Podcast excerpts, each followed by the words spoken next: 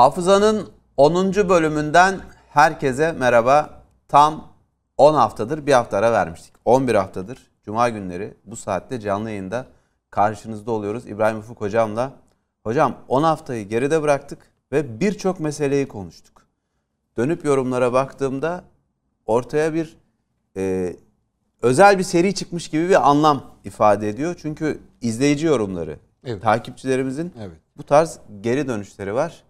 O yüzden 10. haftaya özel bir teşekkür etmek istiyorum size. Çok teşekkür ederim. Ee, yılmadan, şikayet etmeden, fedakarlık yaparak karda, kışta, yağmurda, çamurda Anadolu yakasından kalkıp buraya geliyorsunuz ve Eyvallah, program sağ yapıyoruz birlikte. Teşekkür ediyorum bunun Ben için de size. çok teşekkür ediyorum bütün izleyicilerimize de.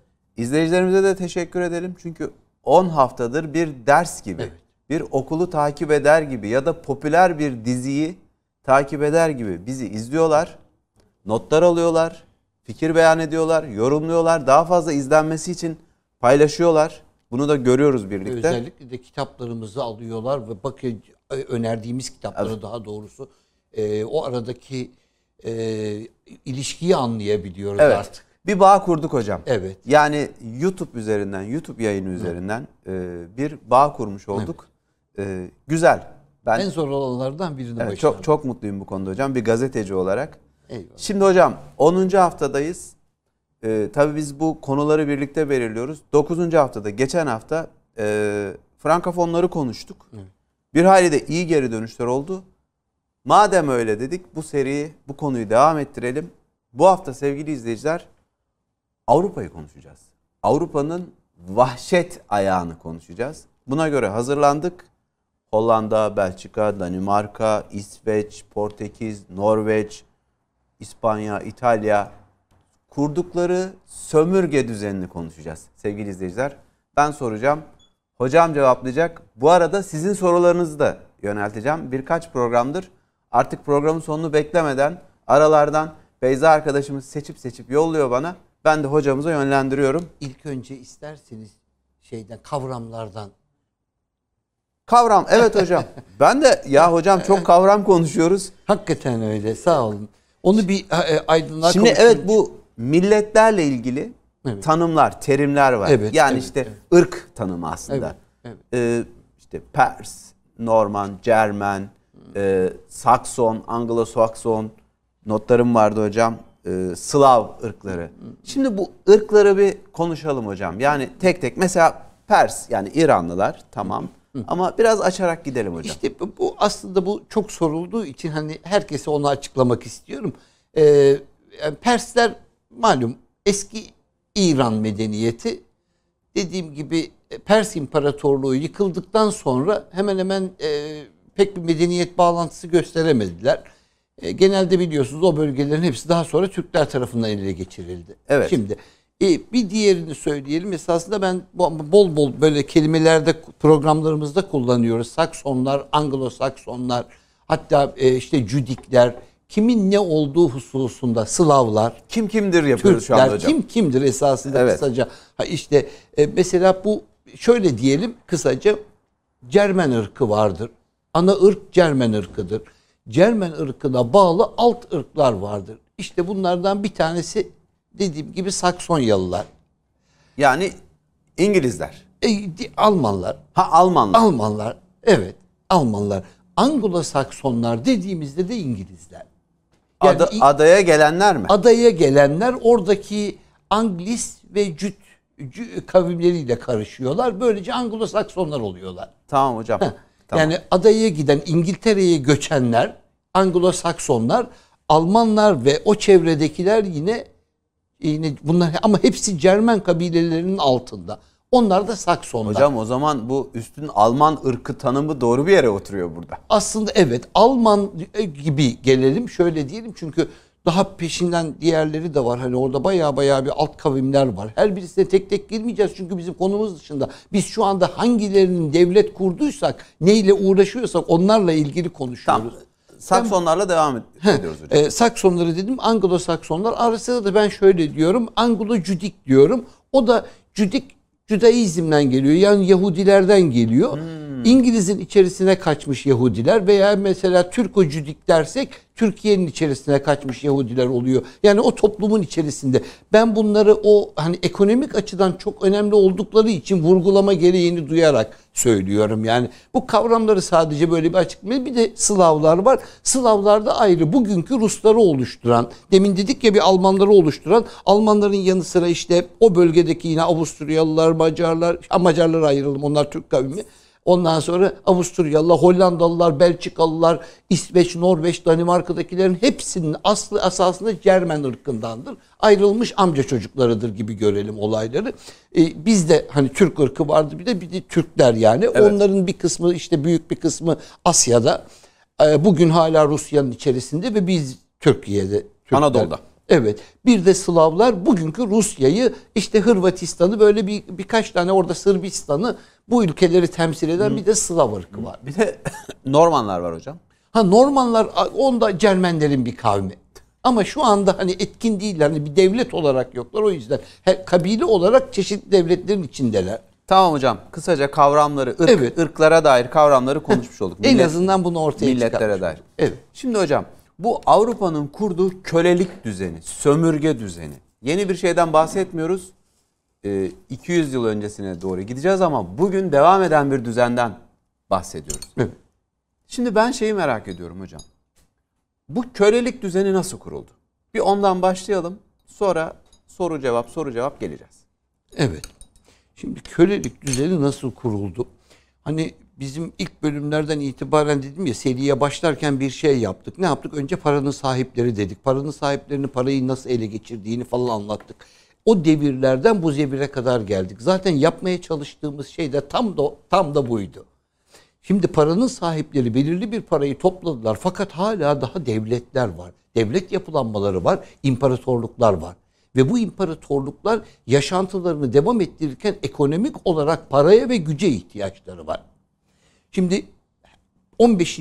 16. yüzyıla gelelim. Daha doğrusu 15. yüzyılın sonlarına yani 1490'lara gelelim. 1480'lere gelelim.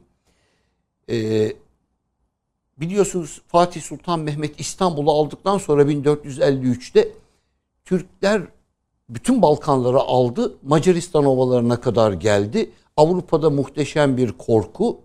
Çünkü e, bir şey ekonomik olarak yaşamak için bize muhtaçlar. Dediğim gibi bundan önceki birkaç bölümde daha daha bahsetmiştim yine. Yavuz Sultan Selim'in 1500 yılına 1517'ye geldiğimizde hani 1516'da Mercidabık e, ve Ridaniye savaşları ile beraber Mısır'ı aldı. Ondan evvel de Çaldıran Savaşı'yla İran'ı dize getirmişti. Yani bir Safavi İmparatorluğu bir de Memlük İmparator Memlük Devleti'ni. Şimdi bunların ikisi de ayrıca Türk Devleti tabi ama biz Memlük Devleti'ni almamızın ana amaçlarından bir tanesi bu konumuzla doğrudan bağlantılı olduğu için söylüyorum. Türkler e, Yavuz Sultan Selim dönemine kadar geldiğinde İpek yolunun dört tane ana yolu vardır. Evet. Bunlardan iki tanesini ele geçirmişlerdi. Bir tanesi Kafkasya e, şeyin kuzeyi, Karadeniz'in kuzeyi.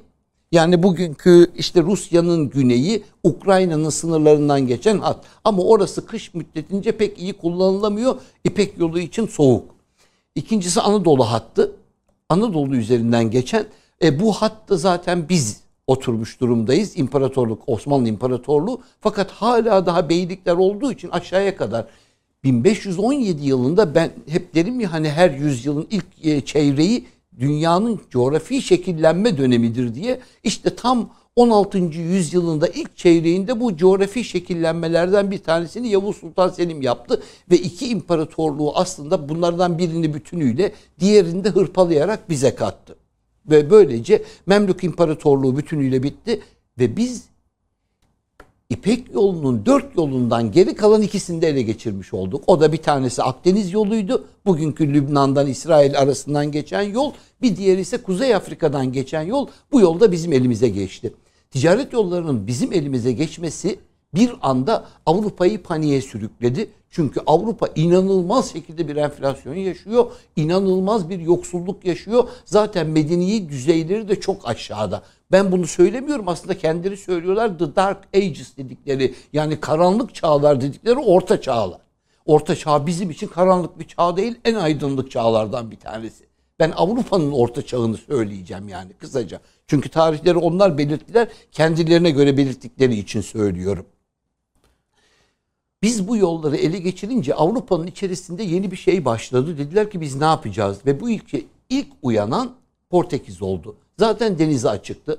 Portekiz kendisine bir iki finansör çıktı ve krala o finansörlerin yardımıyla ve aynı şekilde de bir iki gemici biz bu işi daha kolay bir şekilde doğudan malzemeleri belki deniz yoluyla getirecek bir yol bulabiliriz ümidiyle yola çıktılar. Aslında kısaca paraya kavuşmak istiyorlardı. Kısaca servete. Keşfede de Evet. ilerlediler. Evet. Ve böylece ilk önce Portekizliler, daha sonra İspanyollar.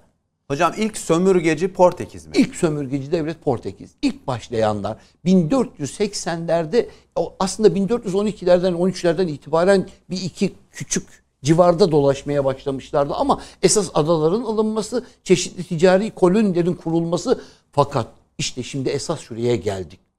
Bunların hepsi inanılmayacak bir vahşet üzerine yapıldı. Bunu Vasco da Gama'dan görebiliriz ilk önce. Evet. Daha sonra Kristof Kolomb devam etti. Bunlar inanılmaz bir vahşet ve o bölgedeki yerlilerin hepsi nefret ediyorlardı artık bir beyaz geldiğinde. İşte şimdi bu o zaman 1500'lü yıllardan itibaren Portekiz iyice dağılmaya başladı. Biz bunu nereden anlıyoruz biliyor musunuz?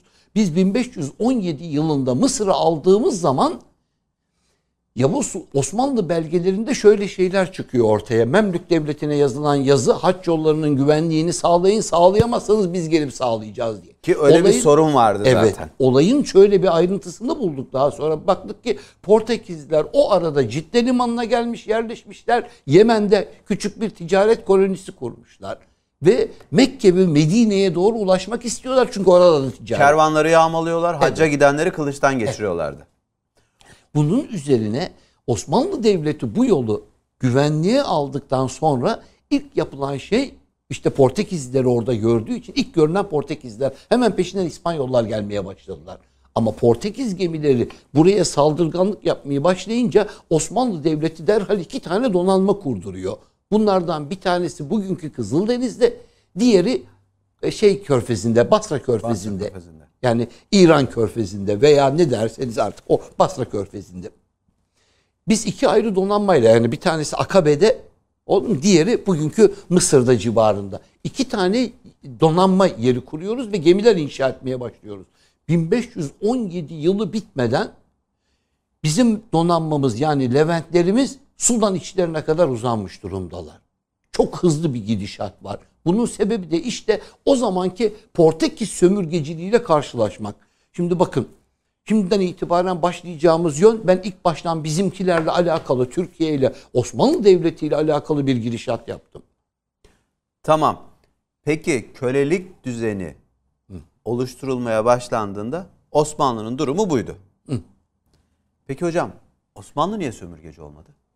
Osmanlı Niye sömürgeci olmadı? şimdi bizim Bu kadar ters. imkan var, her yere gidiyor. mantığımızda yok, aklımızda böyle bir şey yok. Bizim yaşamımızda bakın bu hala bizde aynıdır.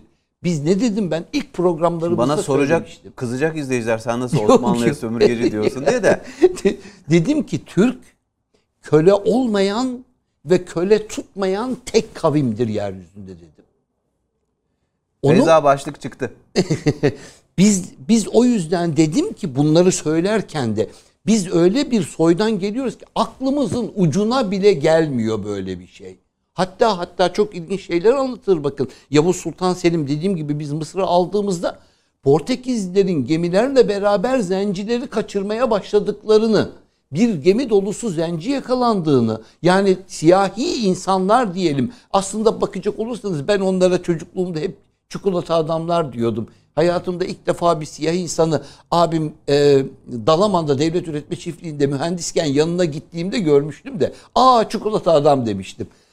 Yani siyahi insanları ilk defa görüyorduk. Belki karşılaşıyorduk. Fakat bir baktık ki gemiler dolusu insan kaçakçılığı ve son derece kötü şartlar altında bu insanlar gemilerle taşınıyorlar. Bizim Leventler ilk böyle bir gemiyi ele geçirdiklerinde İslam e, şeye Yavuz Sultan Selim'e haber veriyorlar. Diyor ki sultanım ne yapalım? Böyle böyle insanları toparlamışlar götürüyorlar. Bizimkilerin söylediği de şu diyor ki bir e, diğerlerini defettiysek esas getirenleri yani Portekizlileri veya İspanyol kimse diyor bundan sonra diyor o insanlara sorun diyor geri gitmek isteyenleri geri gönderin. Çünkü olay Mısır'da geçiyor. Mısır'da kalmak isteyenler orada kalabilir ama diğerleri eğer isterlerse Türkiye'ye gelmek isterse gelebilirler diyor. Ve emin olun ta o zamandan gelen o siyahi insanlarımız vardır bizim Türkiye'de. Hatırlarsınız hani o Sudan- şey, siyahi Sudan- şarkıcımızın adı neydi? Ee, ee, bir tane şarkıcımız vardı çok. Tamam tamam tamam değil. e, Esmeray. Esmeray. Asker şarkısını söyleyen. Evet, evet, evet. Evet, evet. Gel tezkere, Gel gel, tezkere. tezkere. Evet. Evet. Esmeray. Yani onun gibi ta o nesil, bakın ta ne, kaç yıllarına gittik biliyor musun? 16. yüzyılın ilk çeyreğinden bahsediyorum. Ha, Bizim aklımızda böyle bir şey yok. İnsanlarla alakalı. Bizde bir köleleştirme sistemi yok. O yüzden zaten bu, bu işin içerisine girdiğimizde programımızın sonuna doğru bir şeyi anlayacağız. Bizim karşımızda bir kavim var. Bu kavimler o dediğim biraz önceki Cermenik kavimler. Bu kavimlerin hepsi aynı vahşete koşturmaya başladılar imza atmak için. Ve Avrupa'daki hemen hemen bütün devletler, bakın ben şeyleri Doğu Avrupa'daki devletleri, Balkanlardakini saymıyorum olur mu?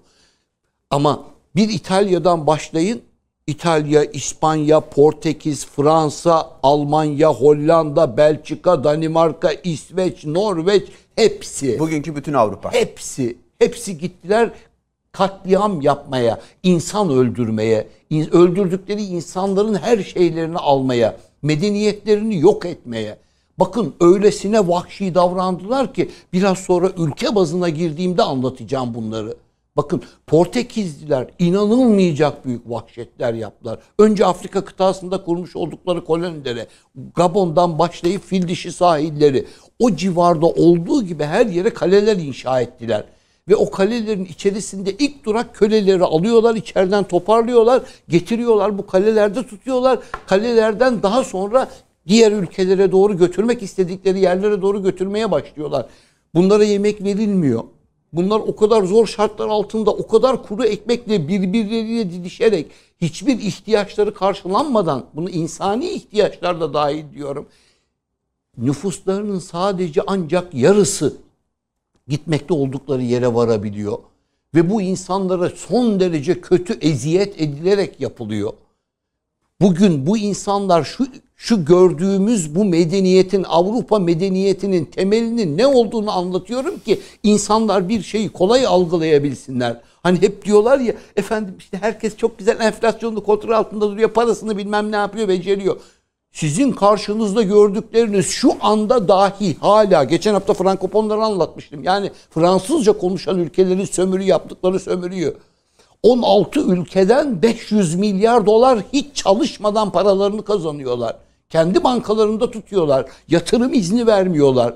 Vahşetin inanılmayacak büyük boyutudur. Hatta geçen hafta eksik kalan bir yeri de hemen ekleyeyim oraya. Vietnam. Evet. Vietnam'ı bu e, Fransızlar sömürdü. Kavuçuklarını alabilmek için insanları köleleştirdi. Daha sonra Vietnam Amerikalılara sattı. Bakın daha şimdi geldikçe kimin nereleri nerelere sattıklarını göreceğiz. Soykırım devri yaptılar resmen değil evet mi? resmen soykırım devri yap. Ben yeterince öldüremedim al biraz da sen öldür diye. Peki hocam. Hemen anlık bir soru soracağım. Bir izleyicimiz iyi niyetli olmasa da sorusunda ben o soruyu yönelteceğim. Ee, adını da zikredeceğim. Can Bey. Diyor ki niye gidip Sırbistan'ı aldın o zaman diyor. Niye gidip Mısır'da diyor halifeyi indirdin diyor. Evet Osmanlı Devleti. hemen hemen onları da söyleyeyim. Bakın dünyanın o zamanki düzeni sen gelmesen onlar geliyordu. İlk önce onlar bizim üzerimize geldiği için biz onları takip ederek Avrupa'ya kadar geldik. Anladınız mı? Yani Bizans İmparatorluğu'nun gelme yeri neresiydi? İskender'in geldiği yerler neresiydi? Bu soruyu herkes o zaman şöyle sormalıyız isterseniz.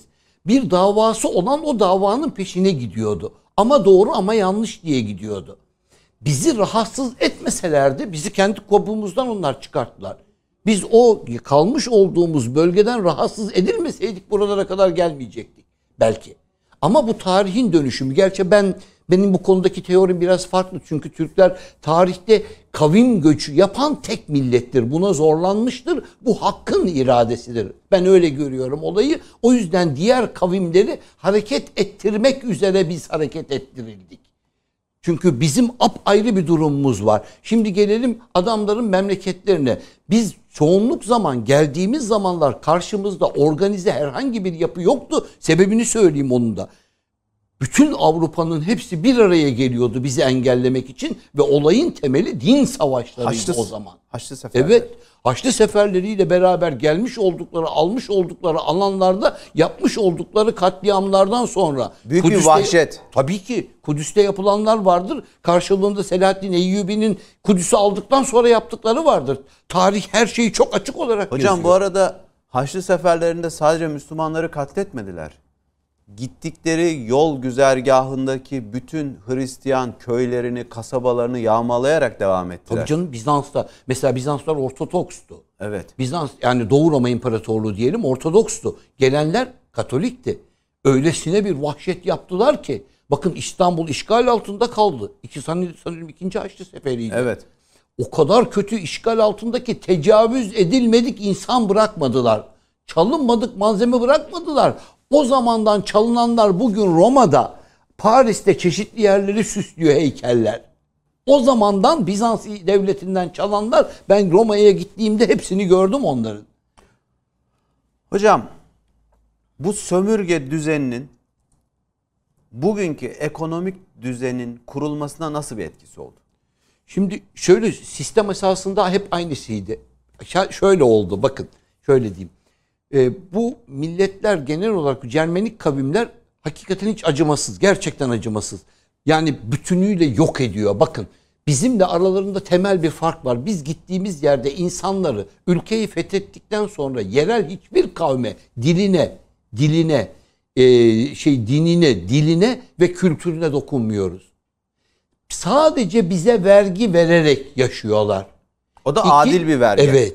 Ve o da aynı zamanda kendi ticaretlerini güvence altına alarak ve bu bu bunu benim söylememe bir gerek yok çünkü kendileri çok yani yüzlerce örnek bulabilirim Avrupa'da, Amerika'da bunu anlatan tarihçiler içerisinde Türklerin nasıl yönettiğine dair bu işi.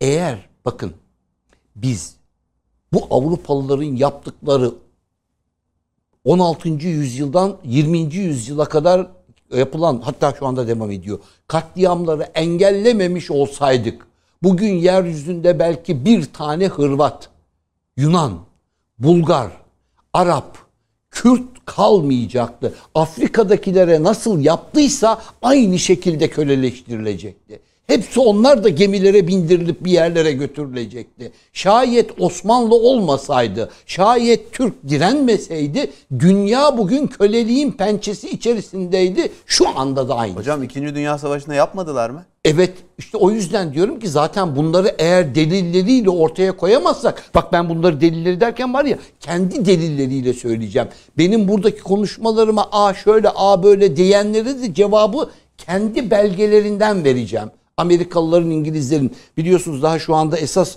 esas sömürgeci milletlere hiç girmedi. İki ana kaldı geriye İngiltere ve Amerika. Hocam onlar başka Onları, başka onları başka olacak. bir zamana başlayacağım. Çünkü onlar en az her birisi ikişer üçer bölümlük. Çünkü biz bugün sadece Avrupa'nın hiçbirisinin suçsuz olmadığını bakın biraz sonra şimdi başka konulara gireceğim. Portekiz ve İspanya'yı İspanya peşinden geldi. Güney Amerika'ya aldılar. Bugün Güney Amerika'da Portekizce konuşan bir tek yer vardır. Neresi? Brezilya. Geriye kalan bütün Orta ve Güney Amerika'nın hepsi İspanyolca konuşur. İşte bakın ikisi arasındaki bölünme farkına bakın. Bunların hepsi daha daha sadece 8-10 yıl öncesine kadar hala daha sömürmeye devam ediliyordular. Anladınız mı? O hiç bitmedi bu sömürge kafası. Hocam 3-4 yıl önce Brezilya'da çok büyük bir şey yaptılar. Yine ayaklanma yaptılar. Her daim deniyorlar zaten. Evet. Latin Amerika ülkelerinde, Güney Amerika ülkelerinde. E çünkü şimdi o sömürgecilerin elinden olan bir güç var Amerika.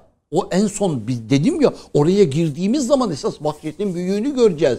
Ben size hatta hatta şöyle hemen bir tane dokundurayım araya. Dokundur hocam. Bunların bir başkanları var ya 1780'lerde e, Ee, Thomas Jefferson 1800'de 1801 ile 1809 arasında başkanlık yaptı Thomas Jefferson. Diyor ki kölelik için bakın o zamanki gelen kölelik için o kadar insanlar şikayetçi dünya resmen o katliamı hala yaşıyor.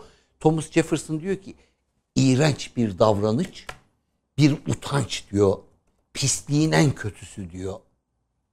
Bunu derken adamın evinde tam 600 kölesi var. Thomas Jefferson'ın. 600 kölesi. Bakın evinde 600 kölesi var. Bunu söylerken kölelik iğrenç bir şeydir derken karşımızdaki insanların mantık yapısını anlamak için kendinizi fazla zorlamaya gerek yok.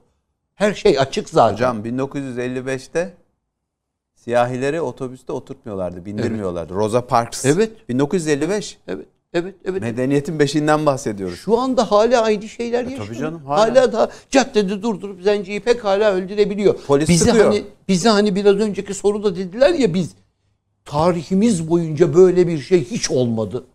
Biz bize el kaldırmayan da savaşı bitirdikten sonra da hiçbir sivil halka saldırmadık. Benim şu dediğim insanların yaptıklarını görünce kanınız donacak. Biraz sonra size Belçika'nın yaptıklarını anlatacağım. Kral 2. Leopold denilen bir tane adamları var bunların. Hocam o zaman ülke ülke devam edelim. Ülke ülke geçelim istersen. Bence o e, Portekiz'de İspanya'yı şöyle bir kısaca belirttim. Çünkü bakın aldıkları yerler yalnız Afrika değil. Bütün adalara gidiyorlar. Adalar on binlerce ada var Pasifik Levant'ta, Atlantik'te. Kalanın elinde, kapanın elinde kalıyor. Her yere gidiyorlar. Önce oranın maddelerine bakıyorlar. Ne var? İnsanlarını çalıştırıp karşılığını almak istiyorlar. Önce hazırlı olan bir şey varsa onları alıyorlar. Altınları, gümüşleri ne varsa. Değerli olan her şey alınıyor. Biz bunu nereden anlıyoruz biliyor musunuz? 1517'de Yavuz Sultan Selim dedim ya hani Mısır'ı aldı. Kanuni Sultan Süleyman 1570'lere gelin bakın ne oluyor. Osmanlı'da ilk defa enflasyon ortaya çıkıyor. İşte o zaman ne demek biliyor musunuz? Portekiz esküdosu Osmanlı lirasını geçiyor. Sömürgenin Evet. ekonomik düzeni. İlk defa Portekizliler ve İspanyollar hiç harcamadan, öldürerek insandan para almıyorlar. Emekten para almıyorlar. Ham maddeden para almıyorlar. Bir bunlar bir e, öyle bir şirketleşmiş bir halde düşünün ve her seferin sonucunda yeniden başlıyorlar. Yeni daha büyük gemilerle birlikte sefere çıkmaya. Fakat tabii Portekiz İmparatorluğu'nun sonu çok kötü oluyor.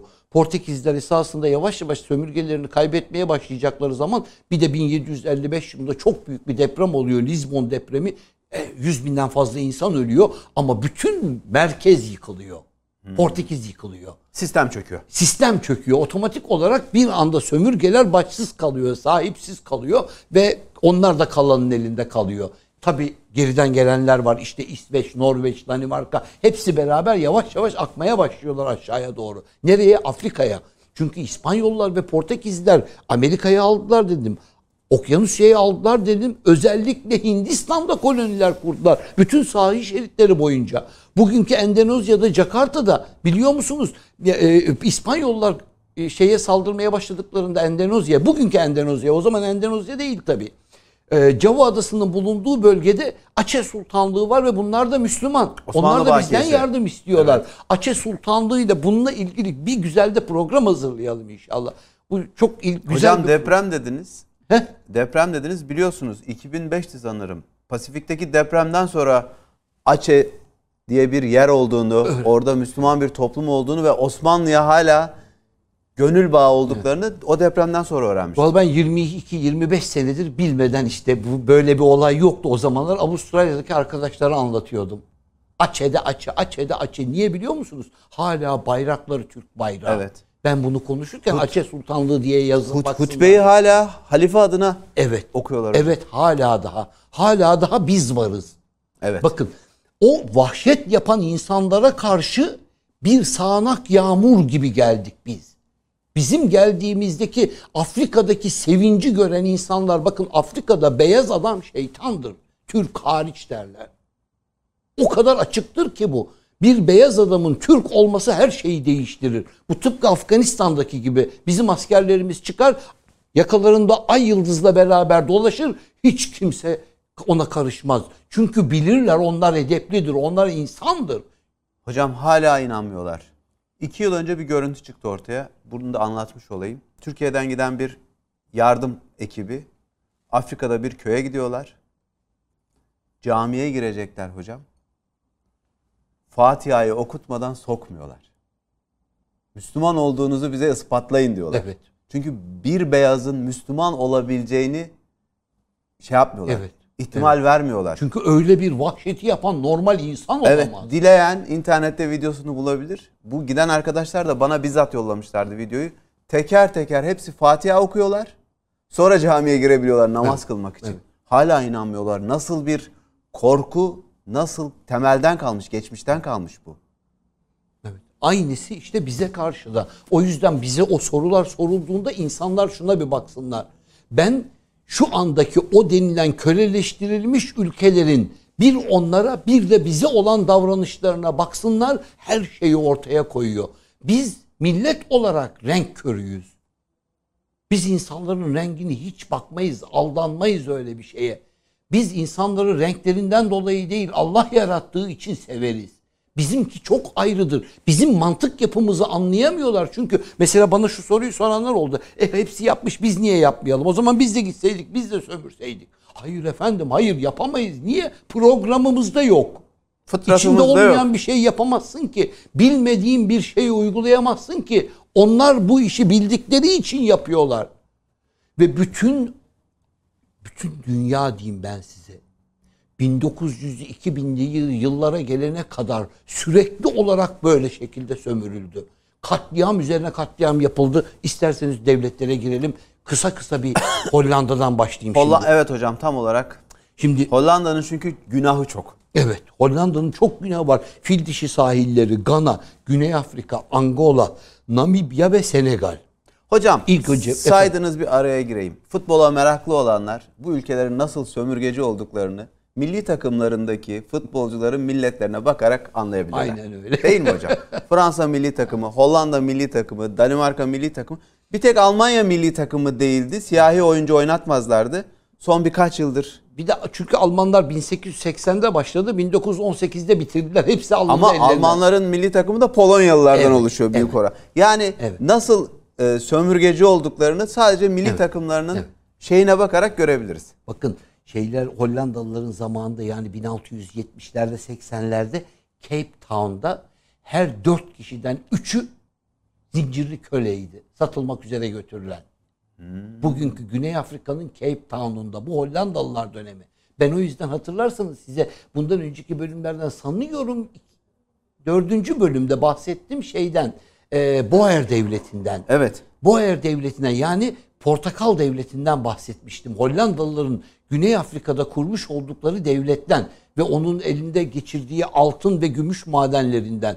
O bölgedeki bütün madenleri ele geçirmişti ve İngilizler daha sonra hepsini onların elinden aldı. Ve Boer Savaşları demiştim 1900 yılında başlayan 1901-1905 arasında. Evet. Onları da bahsetmiştim. Şimdi bizim Hollandalılardı, onlar da portakallardı. Ama Hollandalılar bu kadarla kalmadı. Hollandalılar bütün Afrika'nın içerisine girdiler. Yetmedi. Ta bütün şeye e, okyanuslara Atlantik ve Pasifik okyanusundaki adaları tek tek dolaştılar. Oralara koloniler kurdular. Fakat almakla bitmiyor. On binlerce ada var. Hollandalılardan sonra aynı anda Belçikalılar harekete geçti. E, şeyler e, e, İsveç, İsveç. Norveç, Norveç'le Danimarka birlikte çalıştılar. Onlar çok ilginç. Norveç, Danimarka çoğunluk şeyi gittiler. Grönland, İzlanda, o Faroe adaları o bölgeyi bir aldılar ilk önce. Tamam mı? Onların sömürüsü kendi hala daha kocaman Grönland Danimarka'nındır. Onun gibi söyleyeyim. yani. Kuzey Afrika'yı sömürdüler biraz da değil mi hocam? Onlar Afrika'da da aynı Şey, şekilde Kuze- Kuzey. Avrupa'yı, pardon. He, Kuzey Avrupa'yı ama daha sonra bunlar da indiler aşağıya. Sıcak denizlere doğru indiler. Fakat bunların sömürü sistemleri şöyle söyleyeyim daha sonra İngilizlere ellerindeki sömürgeleri satarak sonlandı. Ama hala daha gelmekte olan çeşitli gelirleri vardır. Çünkü bu adamlar bakın hiç kimse Avrupa'da bedavadan zenginleşmedi. İnsanlar şöyle zannediyor Avrupalılar abi çok okulu çok çalıştılar. Şöyle araştırmalar yaptılar böyle. Bizim beynimizi yedi bu adamlar ya. Bizim gerçeği görmemizi engelledi. 500 yıldır bütün dünyayı talan ettiler. Yeryüzünde talan etmedikleri ve öldürmedikleri kavimler sadece bizim elimizde olan kavimler. Köle yapamadıkları. Evet. Çünkü nedenim ben size bakın başımdan geçen bir olayı anlatayım. Bana dedi ki bir tane İngiliz hocamız okulda dedi ki sen nerelisin? İşte dedim Türk'üm. İşte öbürüne sordu işte ben işte Mısırlıyım sen nerelisin işte ben Pakistanlıyım öbürüne Hindistanlıyım. Herkese sordu dedi ki Aa, evet sen sör olabilirsin sen sör olabilirsin bana geldi sen sör olamazsın. Niye dedim? dedi ki çünkü dedi İngiliz e, sistemini kolonisi içerisine girmeyen hiç kimse sörlük alamaz dedi. Vay dedim be ne büyük bir gurur. Demek ki dedim köleliğin yolu sörlüğün yolu kölelikten geçiyormuş. Ben dedim ne muhteşem bir milletmişim be. İşte bu aynı onun gibi bir şey. Kimin neden mutlu olduğuna bağlı bir şey. Bu adamlar karşımızdakiler hiçbir zaman kendi emekleriyle değil, hazırın üzerine kondular. İnsanları katlederek, her şeylerini çalarak, canlarını alarak. Hocam şimdi ben geçen Twitter'dan yazdım. Ee, Büyükşehir Belediye Başkanı'nın İngilizcesiyle ilgili bir gündem olmuştu İstanbul Büyükşehir Belediyesi'nin. Ben de dedim ki 40 yaşındayım, çok uğraştım, çok ders aldım. De- e, çeşitli metotlar denedim ama İngilizce öğrenmeyi bir türlü beceremedim diye. Yeni bir metot olursa yine deneyeceğim, yılmadım da. Birçok takipçi sosyal medyada şunu yazdı. Çünkü biz sömürgeci devlet değiliz, sömürülen devlet değiliz. O yüzden İngilizceye yatkın bir toplum değiliz. Böyle bir yorumda bulundu birkaç kişi. Şimdi siz bunu söyleyince işte Afrika'ya gidiyorsunuz ana dili gibi Fransızca konuşuyorlar. Ana dili gibi İngilizce konuşuyor. Hatta o Afrika'nın yerel dilleri de unutuldu. Bir başka devletin dilini konuşuyorsan sömürülmüşsün demektir değil mi hocam? Evet. Şimdi bunlar zaten onu yaptılar. Bütün kültürleri yok ettiler. Hatta hatta ben şöyle söyleyeyim size gittiklerinde Hristiyanlık götürüyorlardı. Hazreti İsa, Meryem ve İncil'le gittiler. Evet. Ve o insanları e, uyandıklarında o adamların hepsinin elinden ülkeleri gitmişti. Özgürlükleri gitmişti. Aslında Hristiyan olabilmeleri bile bir mucize o adamların zorla zorla dövüle dövüle işlerinden bir kısmının çoğunluğu Afrika'nın hala Hristiyanlığı kabul etmemiştir. Hiçbir zaman da sevmezler. Böyle bir vahşeti yapanı nasıl severler? Ya bunu yapanların hepsi din adamı. Bunu yapanlar insanlar zannediyorlar ki savaşçılar gidiyor. Hayır efendim hepsi misyoner bunların. Hocam şimdi bir soru var. Diyor ki izleyicimiz Afrika'da bazı ülkeler şu anda sömürgecilere karşı ayaklanmış durumda. Örnekler var. Mali en son Fransızlara karşı ayaklandılar vesaire. Başarıyla sonuçlanır mı hocam? Vallahi tek Bir uyanışa doğru gidiyor mu? Afrika bağrı mı diyelim? Yani o kavramı da çok kullanmak istemiyorum Bakın, ama. o kadar zor ama umut var.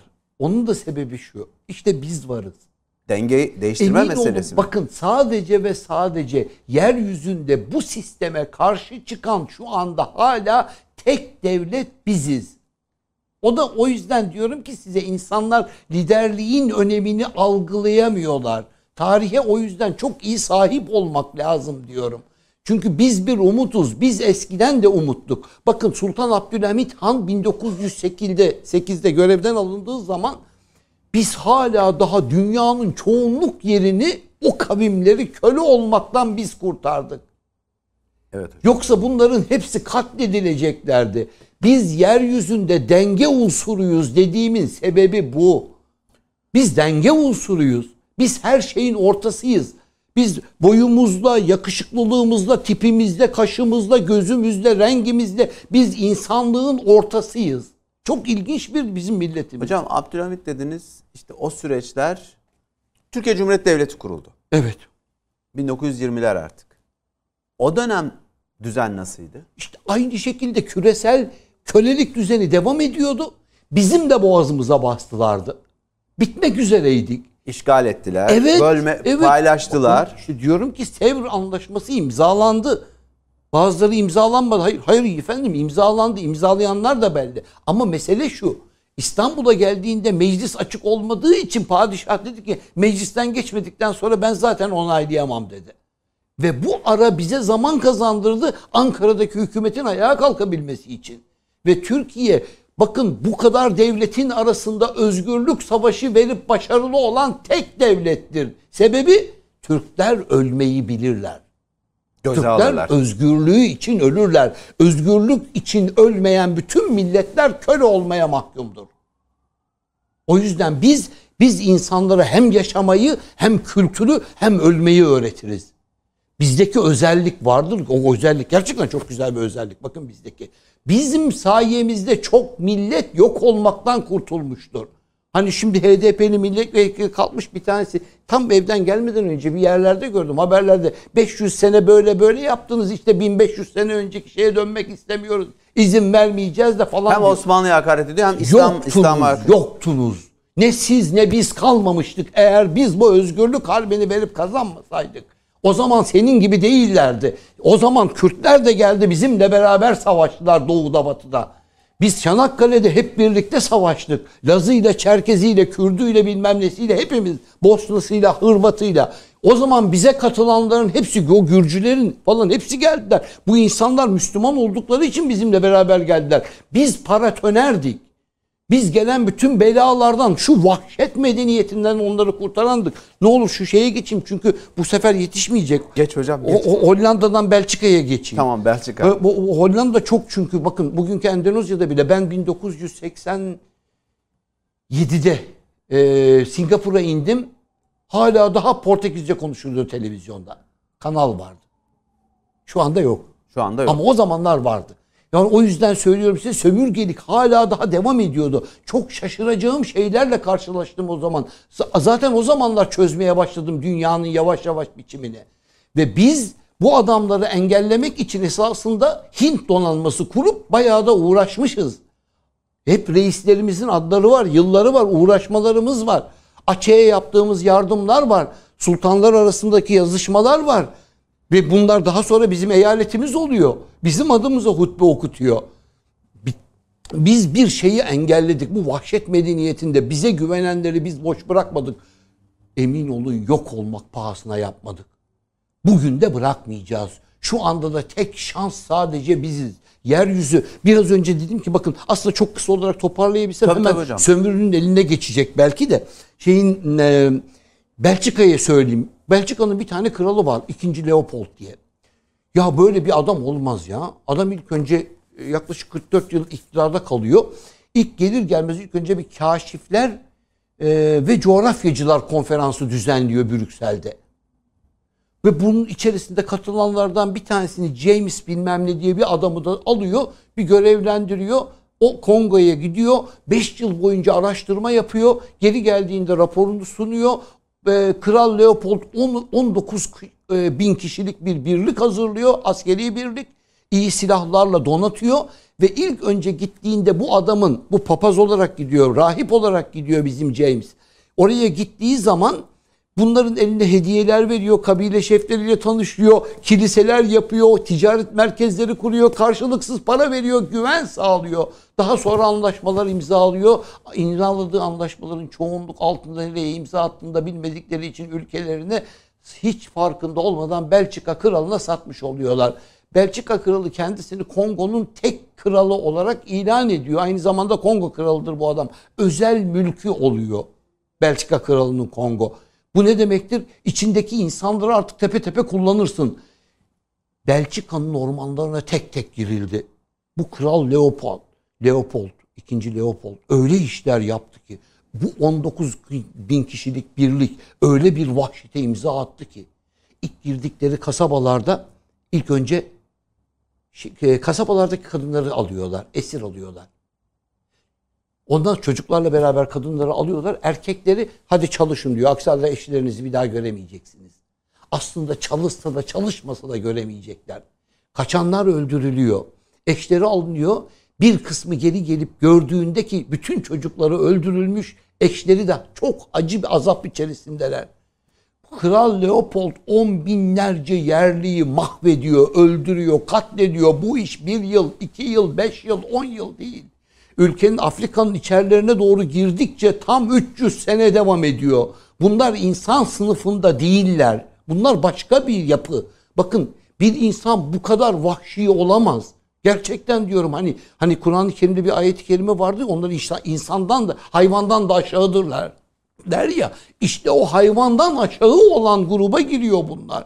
Bu normal bir davranış stili değil. Bunu ben söylemiyorum biliyor musunuz? Şu anda aklı vicdanı olan bütün Avrupalılar da söylüyorlar. Ama hala daha bütün zenginliklerinin sebebi budur. Hocam bir şey söyleyeceğim. Hiç yargılanmadılar bu konuda. Nasıl? Hiç yargılanmadılar. Hiç, hesap hiç hesap vermediler. Kim, ya kim neyi yargılayacak? Şu anda bile aynı şekilde devam ediyor. Şu anda hiçbir şey değişmedi. Dün Amerika Birleşik Devletleri İdlib'de dedi ki bir adamı vurdum dedi. Neydi? De, bilmem ne örgütünün başkanını Kendi vurdum dedi. yönettiği örgütün Tabii liderini ki onu zaten Obama kurmamış mıydı? Kendileri söylüyorlardı. Ben söylemiyorum ki. Kendi kurdukları örgütün adamı demek ki istedikleri bir, şeyi yapmadı. Bir, bir sürü sivili çocuğu katlettiler hocam. Ya tabii ki bu zamana kadar Müslüman olmayan hiç kimseye bir şey yapmadı bu adamlar. Sadece Müslüman öldürüyorlar. Siz bir örgüt kuruyorsunuz. Bu örgüt güya radikal İslami örgüt ama sadece Müslüman öldürüyor. Hocam bir şey soracağım. Şimdi bunlar hiç yargılanmadılar. Hiç hesap vermediler. Türkiye işte 1915 olayları. işte tehcir. Taşnak çeteleriyle İttihat ve Terakki'nin o dönemki vukuatları. Bir sürü acı yaşandı. O tarihlerde hocam Osmanlı subaylarını İttihat ve Terakki'nin liderlerini yargıladılar. İngilizler yargılattı. Boğazlayan kaymakamını Beyazıt'ta idam ettiler. Evet. Bir de bu var hocam.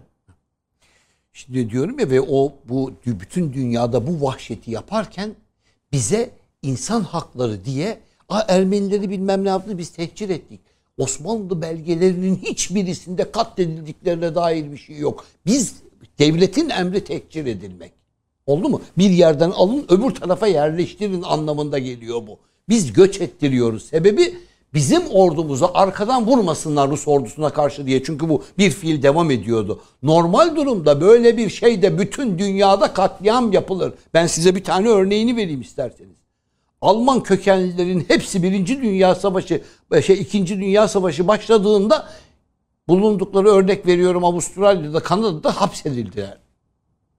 Tekrar Almanya'ya karşı herhangi bir destek hareketinde bulunurlar diye. Kamplar kuruldu ve bu adamlar oralara alındı. Biz ben size ne diyorum bakın bunların bunların temellerinde şöyle bir anlayış var. Hani Amerikan başkanları konuşurken bunu çok açık söyler. Amerikan çıkarları diyor. Dünyada hiç kimsenin çıkarı yok. Hiç kimsenin varlığı bile önemli değil. Amerikan çıkarları diyor. İşte bizim karşımızdaki esas ana şeytan var ya kendini zaten gösteriyor. Kendisini söylüyor. Bunu ben de söylemiyorum biliyor musunuz? Hani kendi adamları en güçlü profesörlerinden, en akıllı adamlarından Noam Chomsky'ye sorsunlar. Amerikalıların ne olduğunu kendisi de açıklıyor. Programın sonunda kitabını tanıtacaksınız hocam. Yine kitap tavsiyesinde bulunacaksınız. Evet. Aslında hemen gelmişken hemen birinci kitabımızı tanıtalım böylece. Verelim hocam. Evet. Bu e, Ch- Chomsky'nin aynı zamanda bir de Herman diye iki adamla beraber yaptığı Rıza'nın İmalatı diye bir kitap. Bakın bunu niye koydum biliyor musunuz? Bütün dünya medyasının nasıl tek elden, nasıl tek amaç doğrultusunda bir küresel sermayeye hizmet ettiğini açıklayan adam. Kim? Chomsky. Chomsky'ye, Naum Chomsky'ye bir bakın. Aslında onların içerisinde son derece değerli bir adam. Benim söylediklerime benzer şeyleri o da söylüyor. Ben kimseye hani ekstradan bir şey atmıyorum olur mu? Buradakileri okumak bazı şeyler için yeterlidir. Hocam e, özellikle iletişimle okuyan, iletişimle ilgilenen Evet gazetecilik. Özellikle medya sektöründe olan birisinin Rıza'nın İmalatı adlı kitabı okuması lazım. evet. Çünkü başka türlü bugün süren, var, sürmekte olan düzeni de anlamaları mümkün değil. Haberlerin nasıl çarpıtıldığına dair. Gelmişken aslında ikinci kitabımızda söyleyelim mi? Söyleyelim ben hocam. hemen Bay Yüzde Beş. Jonathan Collins diye bir yazar yazıyor ama Bay Yüzde Beş aslında bir Gülbenkian'ın hikayesi. Gülbenkian bugünkü Üsküdar'da İstanbul'da doğmuş. Bir Ermeni. Evet. e, bir, bir Ermeni vatandaşı, Osmanlı Ermenisi. Evet Osmanlı Ermeni. Özelliği bütün petrol hissesinden daima yüzde beş pay alması. İnanılmaz bir zenginliğe sahip oldu. Çeşitli. İçindekileri okumanızı istiyorum. Geriye kalanı kendisi anlatsın olur mu? En son Portekiz'de öldü. Çünkü 2. Dünya Savaşı'ndan kaça kaça en son oraya inanılmayacak büyük bir servet ve hala daha vakıfları var. İkinci kitabımızda tanıtmış olduğum Bay Yüzde Beş ve Rıza'nın İmalatı adlı iki eser. Evet, e, bu arada İbrahim Ufuk Hoca'nın e, kitaplığı da bu şekilde, tavsiye kitaplığı da hafızanın kitaplığı büyümüş oluyor hocam. kitaplığı, evet. 20'ye yaklaştık hocam. Ne yaptık şimdi? Çok ne kadar kaldı? Hocam bir 5-10 dakikamız Öyle daha mi? var. Var mı? İyi Toparlayacağız. aman. Çünkü çok daha anlatacaklarımız var. Şimdi hocam e, siz dediniz ya herkes Avrupa ülkelerinin, Avrupa devletlerinin çalışarak mı bu güce ulaştığını ta- tahmin ediyor. İşte 2. Dünya Savaşı gibi büyük bir yıkımı yaşadılar. To- geriye dönüp baktığımızda 60 yıllık bir hikayesi var. Türkiye o dönemde bunu rol model de almadı hocam. Şimdi Türkiye'nin hem o dönem hem bu dönem esasında biz hep bir mücadelenin karşı tarafıyız. Biz karşı tarafız. O yüzden dikkat ederseniz hani biz adına Haçlı Seferleri deriz ama o hiçbir zaman Türk ordusunun karşısına tek bir devlet çıkmamıştır. Osmanlı orduları daima en az 5, 6, 7, 8, 10 devlette birden o ülkelerden gelen savaşçılarla savaş yapmıştır. Çünkü ana temel nedir biliyor musunuz? Vahşet medeniyetini engellemek isteyenleri durdurmak. Onlar da biziz. Biz Macaristan'dan aldığımız verginin iki katını yatırım olarak o ülkeye yapanlarız. O yüzden diyorum ki bizimle o adamlar arasında çok büyük bir fark var. Gabon'da hiçbir şey yok hala. Kongo'da hala hiçbir şey yok. Hala insanlar birbirlerini öldürüyorlar. Hala caddeler aynı şekilde güvensiz. Hala insanlar aç. Beyaz adam gitmeden Afrika'da aç yoktu. Bu insanlar bu insanları hem öldürdüler hem aç bıraktılar. Hala daha devam ediyor. Bu sömürüyor, izin vermiyorlar. Şu anda dahi bir geçen hafta lejyonerlerden bahsettik. Bana bazıları yorum yapmış. Çok sağ olsun. Ben daha eğer yan yana gelirsek hepsini anlatırım diyor. Türk lejyonerlerden.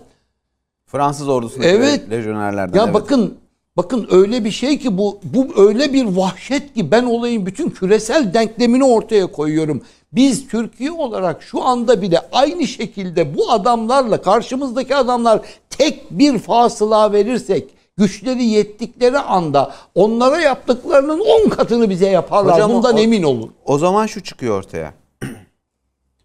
Biz her halükarda bu vahşet döngüsüyle mücadele ettik bir taraftan. Hem de sömürgeci olmadan bugünkü Türkiye çıktı ortaya. Evet.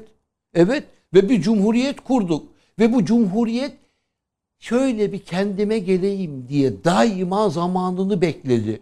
Çünkü inanılmayacak şekilde karşımızdaki birleşmiş ha onu anlatırsam şimdi olay ama birleşecek Anlatın bir yer var hemen oraya geleyim. Bakın bu sömürge güçleri bunun arasında daha sonra İtalyanlar geldi. Onlar da Afrika'yı bilmem nereyi dolaştı. Almanlar girdi. Almanların sömürge sistemi o birinci dünya harbinin bitimiyle beraber bitti. Her şeylerini kaybettiler. Zaten çok geç başlamışlardı. 1880'lerde Almanya biraz daha kara kara içerisinde kaldığından dolayı tamam mı? Ancak birinci dünya harbinden önce başlamıştı bu işe ama çok hızlı gitti. Afrika'nın içerisinde bütün ülkelere girdi. O öbürlerinin yaptığı vahşetin iki katını da onlar yaptı. Hiçbir şeyden de çekinmediler. Hiç kimse de hesap sormadı. Şu anda da sormuyor.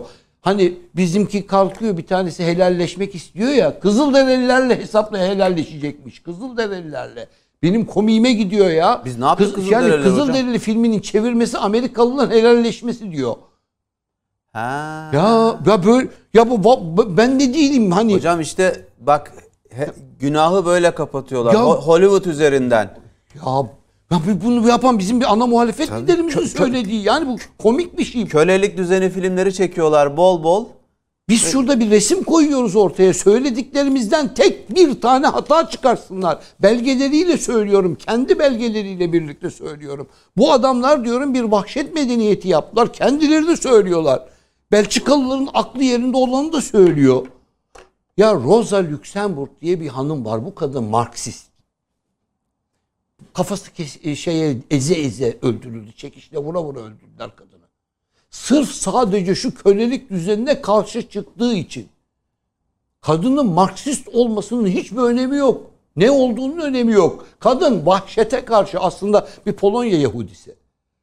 Almanya'ya göç ediyor. Alman vatandaşı oluyor. Çok büyük bir mücadele veriyor Ro- Rosa Luxemburg. Ve hakikaten diyorum size kafası ezilerek öldürülüyor. Ve kadının çok ilginç söylemleri var biliyor musunuz? Diyor ki e, özgür insan diyor başka türlü karar verme imkanı olan insandır diyor. Çok güzel bir laf. İki, hareket etmeyenler zincirlerini fark edemezler diyor. Kölelik içi bundan daha güzel açıklama olabilir mi? Yıl kaç hocam? Bu bir 1900'ler. 1900 zaten 20'lerde mi öyle bir şey öldürülüyor kadın. Kafası ezilerek. Rosa Luxemburg. Yani bakın bu çok ilginç. Bak şeyi e, e, aynı şekilde de e, Mevlana'nın çok güzel bir deyişini okuyorum. Kır oğul zinciri, hür gez, Evet. hür konuş. Değil mi? Ne kadar güzel. Yok mu altından, gümüşten bir kurtuluş diyor Mevlana. Aslında benzer şeyleri farklı bile olsan şu vahşet medeniyetine karşı söyleyebilirsin. Ne olduğunun önemi yok bakın. Onu bunu söyleyen de bir Yahudi kökenli. Rosa Luxemburg da bir Yahudi kökenli. Ama gerçeği görebilmesi için, ahlaksızları gö- gösterebilmesi için o sömürü çarkının hepsini söylüyor. Bu utanmazlar diyor, bu hırsızlar diyor. Bu medeniyeti çalarak, katlederek, öldürerek kurdular diyor. Kadıncağızın başka bir şey olmadığı için karşısında ya kapitalizm var ya sosyalizm. Kapitalizmin çok iğrenç bir yüzünü görüyor. Herhalde tek çare de sosyalizm diyor. Biz o yüzden ben hep diyorum ki ben o yapının hepsini daha sonra kendim de çünkü bize de bunları öğrettiler. Ben de 1977'nin o durumlarını çok iyi biliyorum orduda. Bizde şey İzmir Marşı'nı ben e, Çanlı Kızıl orada alevler saçar diye söyleyenleri biliyorum. Evet aynen aynen aynen aynen. O zamanlar öyle söylenildi.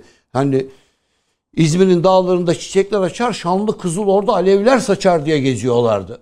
Ben o devirleri de biliyorum. Ben o yüzden dedim ki bu sistemin kendisini görebilmek için ben 1985'te Polonya'ya gittim, Gdańsk'a gittim. O Lech Walesa'nın işçi eylemlerinin yapıldığı yerde. O akşam üniversitede insanlarla konuştum. Ekonomi fakültesindeki insanlarla konuştum. Onlardan aldığım bilgilerden yola çıkarak söylüyorum ki size. Hakikaten bana bir tanesi çok ilginç bir şey söyledi oradaki.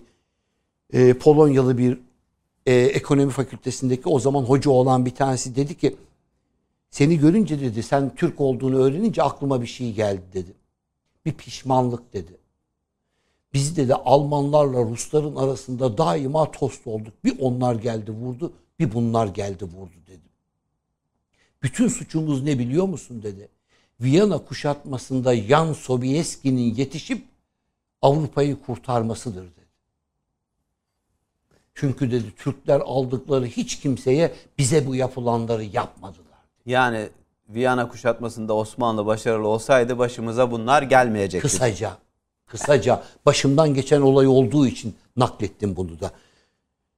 Rosa Luxemburg'dan da bahsettik. Danimarka, Danimarka ile Norveç birlikte hareket ettiler. 1880'lere kadar da geldiler. Bütün sömürgelerini İngilizlere sattılar. İngilizler şimdi daha gelmedik dedim ya ben size. Ama şöyle küçük bir giriş yapayım İngiltere'ye de. İngiltere 1957-58 yılında Süveyş kanalında bir olay oldu. Süveyş kanalını e, Mısır Devlet Başkanlığı'na seçilen e, e, adamcağızın adını e, e, Enver Sedat değil. Enver Sedat'ın öncesi hocam benim de e, derim. millileştirdi. Süveyş kanalını millileştirdi. Bunun üzerine İngiltere ve Fransa geldiler. Önce bombaladılar Kahire'yi. Peşinden çıkartma yaptılar. Boğaz'ın kontrolünü ele aldılar. Sovyetler bir atom bombası kullanıp Paris'i ve Londra'yı ortadan kaldırırım dedi. Amerika Birleşik Devletleri araya girdi. İngiltere'ye ve şeye Fransa'ya fırça attı. İngiliz ve Fransız çekildi. Çekilirken işte hani biraz önce size ne demiştim? İşte İsveç'in, Norveç'in bilmem nenin elinde kaldığı e, sömürgeleri İngilizlere sattılar demiştim. İşte o satılanları daha sonra bunlar da Amerikalılara verdiler. 40 tane küçük fırkateyn karşılığında. Çünkü İngiltere 2. Dünya Savaşı'ndan çıktıktan sonra ülkesini koruyabilecek gemi aracı bile yoktu. Savaş gemisi yoktu. 40 tane gemi karşılığında onlar bu adamların hayatı satış. Evet. Bir fırsat bulurlarsa herkese her zaman satarlar. Katlederler, öldürürler. Hiç çekinmeden açıkça söylerler. Ben Hocam efendim buna şimdi birkaç soru var izleyicilerden. Şimdi biz geçen hafta değindik ama bu Rusya Ukrayna gerginliği bir aşamaya geliyordu tam. Sanki böyle Amerika sanki ısrarla Rusya Ukrayna'ya girsin diye bir dolap çeviriyor hocam. Hatta Putin de bunu söyledi. Hatırlarsınız ben de iki, iki Evet. program önce de geçen programda da söyledim. Dedim ki aynı şekilde çekmeye çalışıyorlar. Rusya'yı çekmeye çalışmalarının sebebi bu. Tarihin aynı şekilde devam etmesi. Eskiden İngiliz yapardı. Şimdi bir başka Anglo-Sakson Amerikalılar yapıyor. Ne yapıyor biliyor musunuz? Rusya'yı sürekli olarak tiktikliyor. Hadi yap, hadi yap, hadi yap, hadi yap, hadi yap. Yapamazsın ki. Hadi yap. Bunu yapmasının sebebi şu. Rusya'yı ekonomik olarak çökertecek. Çünkü şu anda Rusya şu anki yaptıklarına göre inanılmaz güzel bir para kazanıyor. Petrol fiyatları çok arttı. Askeri şu anda askeri hareketlere harcadığından daha fazlasını kasasına koyuyor. Rusya'nın da işine geliyor bu parayı kazanmak. O yüzden ben ne dedim? Savaş falan olmayacak şu aşamada dedim. Bunu söylememin sebebi şuydu. Ben sanıyorum Putin bu oyunu gördü. Çünkü bu oyunu bakın bu işin en büyük zararı aslında bize olur. Olay yine bizim çevremizde dönüyor. Türkiye'ye olur. Karadeniz bölgesinde, Karadeniz civarında herhangi bir olumsuzluğun oluşu direkt bize yansır. Zaten artık Karadeniz Savaşı gibi bir anlam Evet. çıkmaya başladı. Yani bütün olayın suçlusu bakın dedim ya ben size. Emperyalistler borç yaparlar, borç ödemezler, ödettirirler dedi. Hocam bir de şu anlamı var bence. Savaş çıkarsa Amerika gelir Gürcistan'a oturur bu bir. Gider Ukrayna'da da kendine bir bölge ayırır. Tıpkı Suriye'de olduğu gibi. Gelir oraya da oturur. Bunun için istiyor. Tabii canım. Gelmeyi meşrulaştırmak için istiyor savaşı. Amerika Birleşik Devletleri e, büyümek zorunda. Yoksa küçülecek ve hızla her şeyini kaybedecek. Şu anda itibarını kaybetti. Bakın bütün dünya çapında itibarını kaybetti. Ve hızla da kaybediyor. Çünkü bencil bir insanın nasıl olabileceğinin zirvesini gösteriyor. Cumhurbaşkanı Erdoğan Ukrayna'dan döndü bugün. Bakın diplomasiyi devam ettiriyor Türkiye ve rol belirliyor. Ve çok olumlu açıklamalar yaptı. Putin gelecek şimdi. Evet şimdi Putin gelecek. Yani Dedim masayı ya, bu işi biz çözeceğiz. Bu işi biz çözeceğiz. Çözmek de zorundayız. Sebebi ne biliyor musunuz? Bunların arasındaki Allah'tan diyorum ki öyle bir de güzel döneme denk geldik ki bir liderlik var. Ne yaptığını biliyor. Kaza rıza tek bir hata her şeyi yok eder. Bütün denklemi bozar. Başımızda bir tane beceriksiz olsaydı, bir Amerikan yaltakçılığına kalksaydı başımıza neler gelirdi bir düşünün. Hocam Erdoğan'ın cümlesini okuyorum. Çok kıymetli bir cümle. Bütün sizin söylediklerinizi tamamlayan bir cümle. Diyor ki Amerika Birleşik Devletleri ve Avrupa krizi çözecek Avrupa'da krizi çözecek lider sıkıntısı var diyor ve Biden olumlu yaklaşım sergileyemedi. Biz ara bulucu sıfatıyla bu işin içine gireriz diyor. Ne zaman yapmış bunu? Bugün Ukrayna Öyle mi? dönüşü uçakta. Bakın hocam çok önemli bir tespit. Amerika'da ve Avrupa'da krizi çözecek lider yok. Evet liderlik yok. Ben hep söylüyorum size liderlik çok büyük bir bak bir ülkeye liderin gelmesi bir nimettir, bir rahmettir. Değerini bilebildiğin sürece. Röportajı okumak isteyenler varsa Yeni Şafak internet sitesinin manşetinde var. Bakabilirler hocam. Şimdi hocam e, bir soru daha var. Niye soracağım? Geçen hafta bunu konuşmuştuk. E, İstanbul Büyükşehir Belediye Başkanı'nın e, İngiltere Büyükelçisiyle yemek yeme meselesi. Evet. Üstüne bir de yeni niyet mektubu Cumhurbaşkanı tarafından kabul edilen Amerikan Büyükelçisi ile görüştü. Bir Büyükşehir Belediye Başkanı'nın bu denli dış görüşme yapması normal mi? Ya bir her şey anormal gidiyordu şu anda hele yaptıkları insanlar var ya o biraz önce size bahsettiğim sömürgecilerin ağababaları ya. Yani bunlarla onu yapabilmek için diyorum ki bir inanılmaz bir bilgi dağarcığın olması lazım. Karşıdakinin kim olduğunu bilmiyorsun. Peki hocam soruyu tersten soruyorum. Amerika ve İngiltere'nin büyükelçileri aracılığıyla İstanbul Büyükşehir Belediye Başkanı'yla görüşmelerinin nasıl bir anlamı olmalı? Vallahi size bir şey söyleyeyim mi? Bakın bunun anlamı şudur. Adam bu adamlara sömürge valisi gibi davranıyor. Hepsi bu. Sömürge valisi gibi davranıyor. Çünkü karşıdaki ona müsait. Bunu kabul ediyor. Anladınız mı? Devletle görüşmesi gereken adamlar bakın Bir tanesi Amerika, diğeri İngiltere ve bu adamlar büyükelçi. Geliyor bir adamla görüşüyor. Kim? Belediye başkanı. Hem de gizli Ben saklı. Filmi geri sarayım. Sayın Erdoğan gidiyor. Tamam mı? Londra Büyükşehir New York Büyükşehir Belediye Başkanı ile Washington Büyükşehir Belediye Başkanı ile görüşüyor. Aramızda kalacak diyor. Biz biliriz ne konuştuğumuzu diyor. 3 saat birlikte balık yeriz diyor. mümkün mü? Ya Olursa ne olur? ya ba- bakın şimdi bunu ilk önce bu adamlara sormak lazım. Böyle bir şeyi kaza rıza. Kaza rıza bu adam devlet yönetiminde değil. Bak ben bazı şeyleri anladım. arada- devlet... Adana'da Adana Büyükşehir Belediye Başkanı'yla da görüştüler.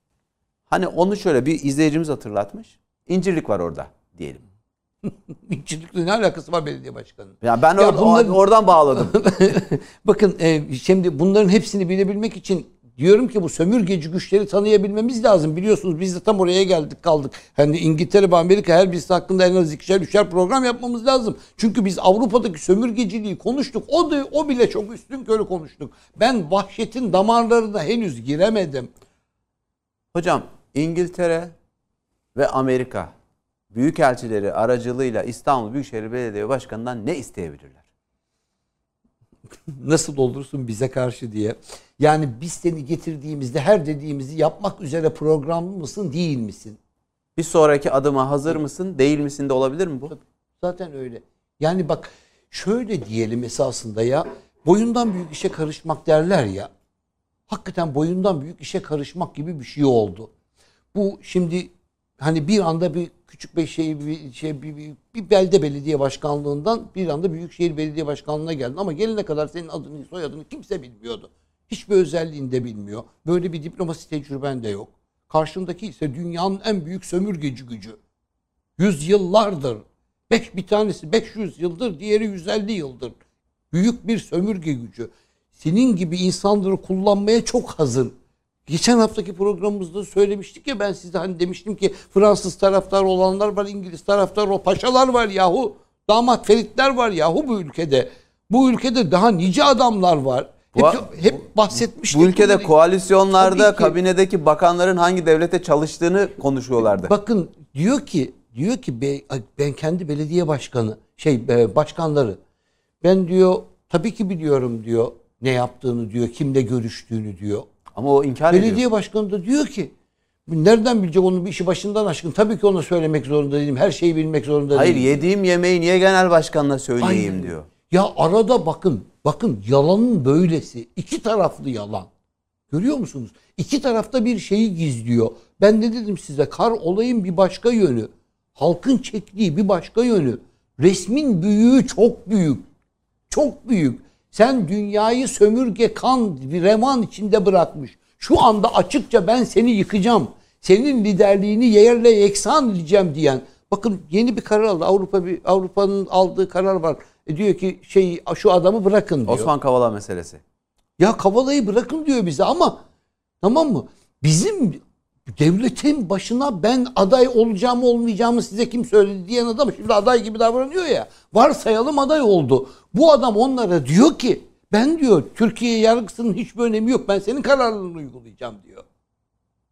Bu o demek ya. Bakın adam yani bu nasıl bir laf? Yani nasıl bunu kabul edebiliyor? Benim esas problem nerede biliyor musunuz? Adamın bunun gibi yüzlerce yüzlerce var. Her gün yalan söylüyor. Bu en son size bir belge açıklıyorum dedi. Belge kelimesi haricinde yazan her şey yalan çıktı. Adamın. Bir İmza, belge var. imzayı gösterdi ama üstü alakasız bir Diyorum metin ya, çıktı. Yani bakın o kadar ilginç ki bak ne dedi? Şu kadar dedi bakan var, şu kadar da milletvekili var FETÖ'cü dedi. Hepsinin elimde benim belgeleri var dedi. Ya böyle bir olay skandaldır. Açıkla batır her şeyi. Hadi. Hocam en sonda Twitter'ın büyük ihtimalle kendisine verdiği anonim hesapları açıkladı. Ya ama bak bütün bütün bunlara rağmen hala daha şunu gayet olgunlukla karşılayan, savunmaya çalışan, hatta bize bu Aa, böyle böyle değil de şöyle şöyle diyen bir şey var. Ya bu yanlış görmüyor musunuz? Görünen köy kılavuz istemiyor ki. Çok büyük bir hata var karşımızda. Boyundan büyük işe kalkışıyor dediğim o. Yani Kemal Kılıçdaroğlu'nun da geçmişinde en ufak bir başarı yok ya. Diyeceksiniz ki "Aa, efendim devlete gelsin başarısını görürüz. Ama bana şu ana kadar yapmış olduğu herhangi bir şey gösterin. Ya kendi sözünde bile bakın hiçbir sözü ikinciyi tutmuyor. Ben söyledim dediğin hayır söylemedim diyor. İki gün sonra pekala yapıyor. Onlarca örnek vereceğim biliyor musun? Onları da hazırlayacağım ayrı bir programda. Hocam bu haftayı bu şekilde toparlayalım mı? Toparlayalım. Kaldı mı başka? ya bizimki bitmez. Biz küresel sömürünün sadece insanlara şunu anlatmaya çalıştık ki Türkiye aslında daha Cumhuriyet'in mücadelesine de bile daha girmedik biliyor musun? Onu da daha gireceğiz. Atatürk döneminden başlayarak bugüne kadar gelen biz biz kendi başımıza ayakta kalalım. Hiçbir kimseyi sömürmeden, kimseye katliam yapmadan, biz bu insanlar gibi onun bunun kanı üzerine gitmeden Hani hep söylerlerdi işte efendim Kürtlere doğuya yol gitmiyor. Yolu götürdük bu sefer siz bunları bilmem ne yapmak için getiriyorsunuz yolu dediler. İşgalci, işgal yolu dediler. Evet. Ya bu, bu çok ilginç. Diyorum ya sana biz neyle mücadele ediyoruz? Biz nasıl bir şeyle mücadele ediyoruz? Hocam bunların hepsini konuşacağız başlık başlık. Şimdi bir izleyicimiz bir talepte bulunmuş. Evet. Emrah Ustayer. Demiş ki hocam lütfen bu konuştuklarınızı kitaplaştırın diye. Farklı birkaç izleyicimizden de gelmiş. Tevafuk bu ya biz iki haftadır Evet. bu mevzuyu konuşuyoruz hocamla. Evet. Bir hazırlığımız olacak. Evet. Bütün bu programda konuştuklarımızın daha geniş çerçeveli, daha detaylı, daha böyle nokta atışlı, belgeli, kayıtlı, kuyudatlı Evet. bir kitap çalışması olacak. Değil mi hocam? İnşallah. Hem de belki belki bir cilt bile yetmeyebilir buna. Çünkü niye? Çünkü bizimki şöyle bir şey. Biz bir şeyi koy göstereceğiz. Bütün dünya, Avrupa ve Amerika şu kadar zamanda nasıl bu kadar parayla nasıl zengin oldu? Peki biz hiçbir şey yokken şu anda bu mucizeyi nasıl yapıyoruz? Bunu anlatacağız. Tamam hocam inşallah kitap hazırlığına da başlayacağız. İnşallah. Bu haftayı 10. bölümü toparlıyorum. Evet sevgili izleyiciler haftaya yine önemli konu başlıklarıyla yine bir serinin devamı olarak çünkü hocamız da programda bahsetti daha sömürgeciliğin İngiltere ve Amerika kısmı var. Onları konuşacağız. Hocam ağzınıza sağlık. Teşekkür ediyorum. İzleyelim ve izletelim lütfen. Lütfen programı paylaşın, yorumlayın. Daha fazla kişiye ulaşmasını sizler sağlayacaksınız izleyicilerimiz olarak. Allah'a ısmarladık.